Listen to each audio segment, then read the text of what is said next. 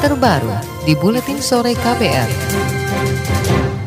Menteri Kelautan dan Perikanan Susi Pujastuti meminta semua kapal pencuri ikan di perairan di Indonesia untuk dimusnahkan. Menteri Susi mengungkapkan kekesalannya melalui akun Twitter karena dia menemukan ada kapal sudah ditangkap dan dilelang ternyata kembali digunakan untuk aktivitas pencurian ikan. Menanggapi permintaan Susi, Kejaksaan Agung mengatakan seluruh prosedur pelelangan kapal sitaan sudah sesuai prosedur dan aturan yang berlaku. Juru bicara Kejaksaan Agung Mukri mengatakan proses lelang dilakukan secara terbuka tanpa ada permainan apa pun. Jika kapal hasil lelang digunakan kembali untuk mencuri, maka tugas penegak hukum untuk menangkapnya lagi. Ya, ditangkap lagi aja, ditangkap lagi. Nanti eh, apa namanya? Dalam tuntutan dan putusannya kita harapkan untuk dirampas, dimusnahkan.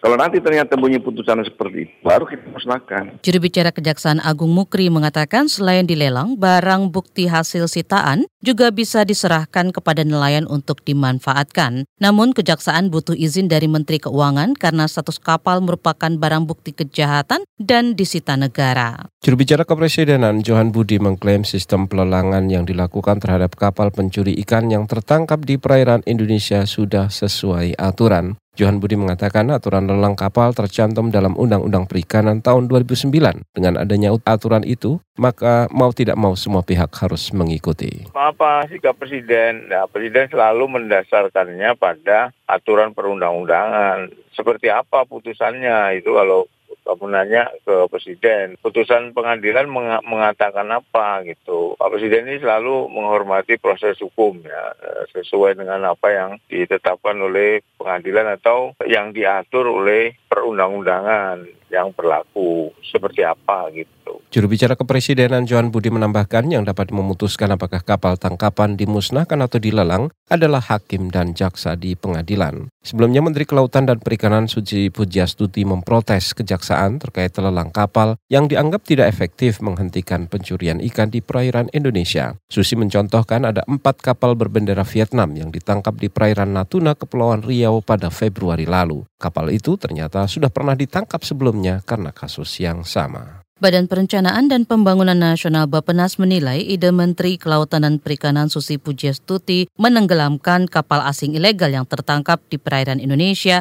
bisa menjadi terapi kejut untuk pencuri ikan. Meski demikian, Deputi Bidang Kemaritiman dan Sumber Daya Alam Bapenas Arifin Rudianto mengatakan kebijakan penenggelaman tak bisa dilakukan pada setiap kapal ilegal yang tertangkap. Arifin menilai kebijakan hukum negara seharusnya diarahkan pada pendataan semua kapal ilegal sehingga bisa beroperasi secara legal dan membayar pajak.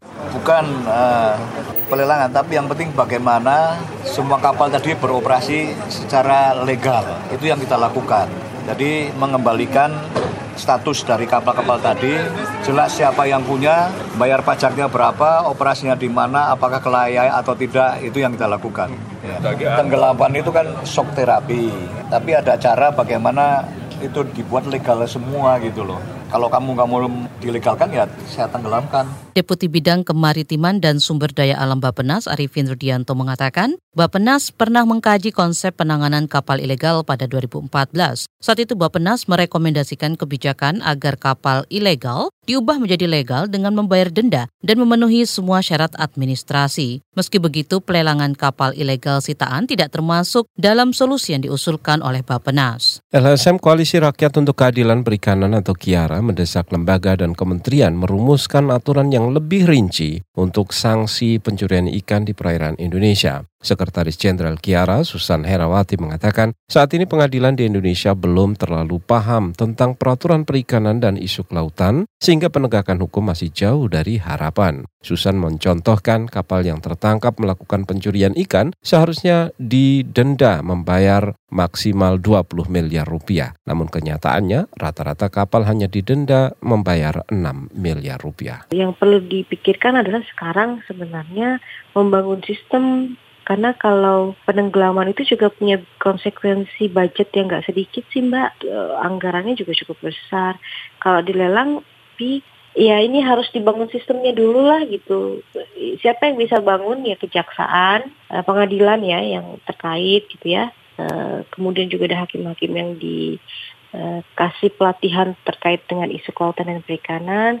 Kemudian yang merumuskan kebijakan itu harus ada kejaksaan sendiri, KKP, perhubungan gitu ya, nelayan, kemudian juga ada dari KPK gitu. Jadi ini harus dibangun sistemnya lintas uh, agensi, lintas organisasi, lintas pemerintahan. Sekjen LSM Kiara, Susan Herawati juga mendesak agar pemerintah merumuskan sistem kerjasama dengan sejumlah negara di kawasan Asia Tenggara untuk meminimalkan atau mencegah tindak pidana pencurian ikan. Salah satunya adalah dengan mencabut izin usaha di negara asal bagi pemilik kapal pencuri ikan di Indonesia. KBR Sport.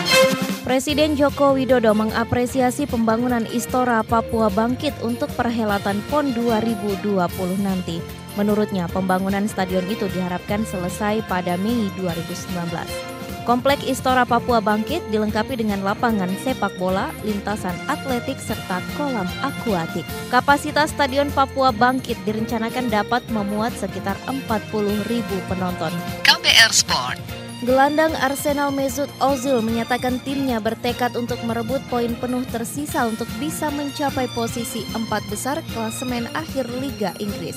Arsenal saat ini berhasil naik ke posisi tiga dengan koleksi 63 poin, menyalip Tottenham Hotspur dan Manchester United yang mengemas nilai 61 poin setelah meraih kemenangan 2-0 atas Newcastle United di Stadion Emirates London Senin dini hari. Gelandang asal Jerman itu menegaskan bahwa jika timnya bisa konsisten mempertahankan level permainan sebagaimana melawan Newcastle, Arsenal bisa meraih kemenangan di tujuh laga tersisa musim ini. Di laga selanjutnya, Arsenal akan melawat ke markas Everton di Stadion Goodison Park pada Minggu 7 April mendatang.